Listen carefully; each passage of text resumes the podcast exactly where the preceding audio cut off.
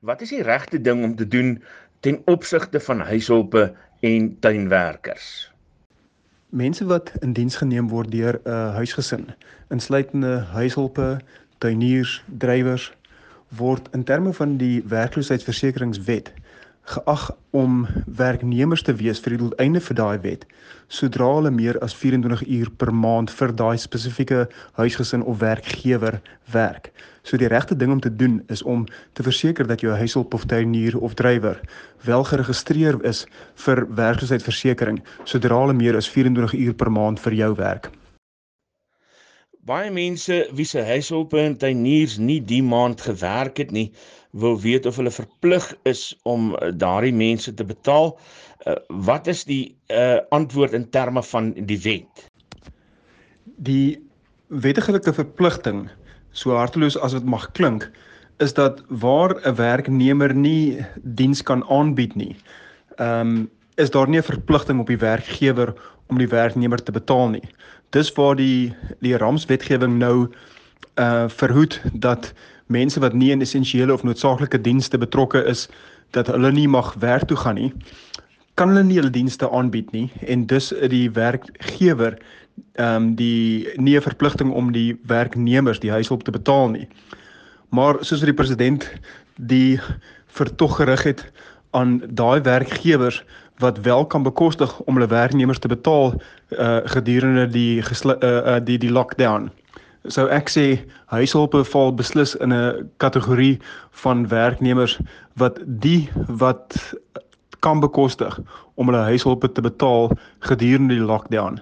Ek sou sê daar is 'n morele verpligting op ons om dit wel te kan doen, maar daar is nie 'n wettige verpligting om dit te doen nie.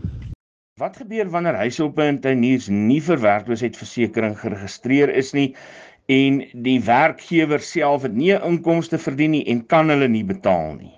Dit is belangrik om te onthou dat dit 'n misdryf is in terme van die werkloosheidsversekeringswet om nie 'n kwalifiserende werknemer te registreer en bydraes oor te betaal aan die werkloosheidsversekeringsfonds vir of namens so 'n werknemer nie.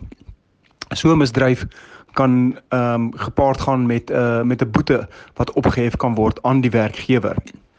So waar 'n werknemer nie geregistreer is nie, kan in praktyk die werkgewer wel na die tyd na die ongevalle of die werkloosheidsversekerings uh wetgewing uh beampte toe gaan en 'n later registrasie doen wat dan gepaard sal gaan met boetes uh betalings terugbetalings en uh en rente. Um ek is nie seker of onder die omstandighede van die uh COVID-19 um voordele wat nou onlangs aangekondig is of die werkloosheidsversekeringskommissaris wel genooi sal wees om so 'n voordeel terugwerkend um, aan 'n werknemer um, toe te laat nie. In terme van artikel 45 van die wet het die kommissaris die bevoegdheid om 'n persoon te verklaar as 'n bydraende werknemer waar die persoon nie ehm um, bydraes gemaak het, maar dit nie hulle skuld was nie. Maar ek sou voorstel dat indien 'n werkgewer agtergekom het dat hulle moes bydraes maak en hulle het dit nie gedoen nie, dat hulle die werkloosheidsversekeringskommissaris kontak en uh hulle saak regmaak daar en die terug uh, terugbetaalde premies, boetes en rente um, betaal om te verseker dat hulle werknemer wel 'n uh, eis sal kan indien teen die ongevalle kommissaris of die werkloosheidsversekeringskommissaris as jy self jou inkomste verloor het en jy kan nie meer 'n huis op of 'n tuinier bekostig nie, is daar spesifieke prosedures wat mens moet volg om hierdie werksverhouding te beëindig? Waar jy nie meer jou huishulp kan bekostig omdat jy miskien self afgedank is of of omdat jy self nie salaris kry uh, vir hierdie tydperk nie, maak die wet voorsiening daarvoor dat jy jou huishulp kan afdank uh as gevolg van jou finansiële posisie of besigheidsdoeleindes, jou besigheid wat dan jou ehm um, jou, jou huis is uh daar is 'n proses wat in terme van artikel 189 van die Wet op Arbeidsverhoudinge gevolg moet word. Ek stel voor dat luisteraars na die uh KVBA se webtuiste gaan. Uh dis www.ccma.org.za en dan soek hulle na die ehm um, hoofies wat sê advice knowledge hub, downloads, codes and procedures en dan gaan hulle na code of good practice on operational requirements. En daar is 'n 'n uiteensetting van die proses wat gevolg moet word wanneer jy jou huishulp ehm um, se diens wil beëindig vir finansiële redes. In wese is dit 'n konsultasieproses. Jy sit net 'n gesprek met jou huishulp, jy gee vir haar kennis oor hoekom jy haar diens wil beëindig, wat is die finansiële redes, ehm um, hoekom jy nie kan bekostig nie, wat is die alternatiewe wat jy oorweeg het, hoekom is daai alternatiewe nie haalbaar vir jou nie? En hou 'n gesprek met jou huishulp waarna jy luister wat sy sê watse uh, alternatiewe is daar wat wat hy of sy kan voorstel vir jou ehm um, wat jy miskien moet oorweeg? En wanneer die partye dan op die einde van daai konsultasieproses kom dan kan jy die ehm um, besluit om haar diens te beëindig implementeer.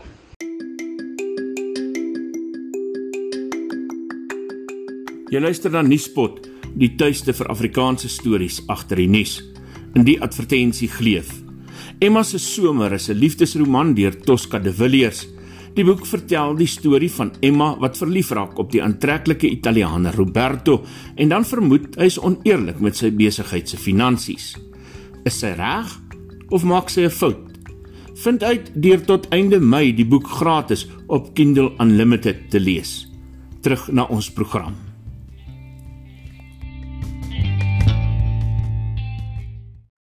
As 'n mens jou uh, huishulp of tuinier in diens hou, kan 'n mens hierdie tydperk wat hulle nie gewerk het nie, ag as verlof wat hulle geneem het vir die res van die jaar en dis nie geregtig is op verdere verlof in die jaar nie.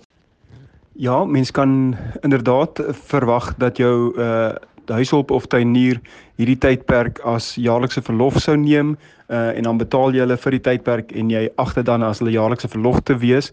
Ehm um, daar is op donderdag uh wat het die minister 'n uh, aankondiging gedoen en daar's nou 'n wysiging tot die werkloosheidsversekerings uh regulasies om uh, te verseker dat 'n uh, werknemer wat verplig is om jaarlikse verlof te neem vir hierdie tydperk kan dan 'n werkloosheidsversekerings eis indien um, en dan 'n gedeelte van salaris terugverhaal van die werkloosheidsversekeringsfonds. So dit is iets wat die werkgewer dan kan doen waar jy jou werknemer betaal het en jaarlikse verlof vir die werknemer uh, gegee het.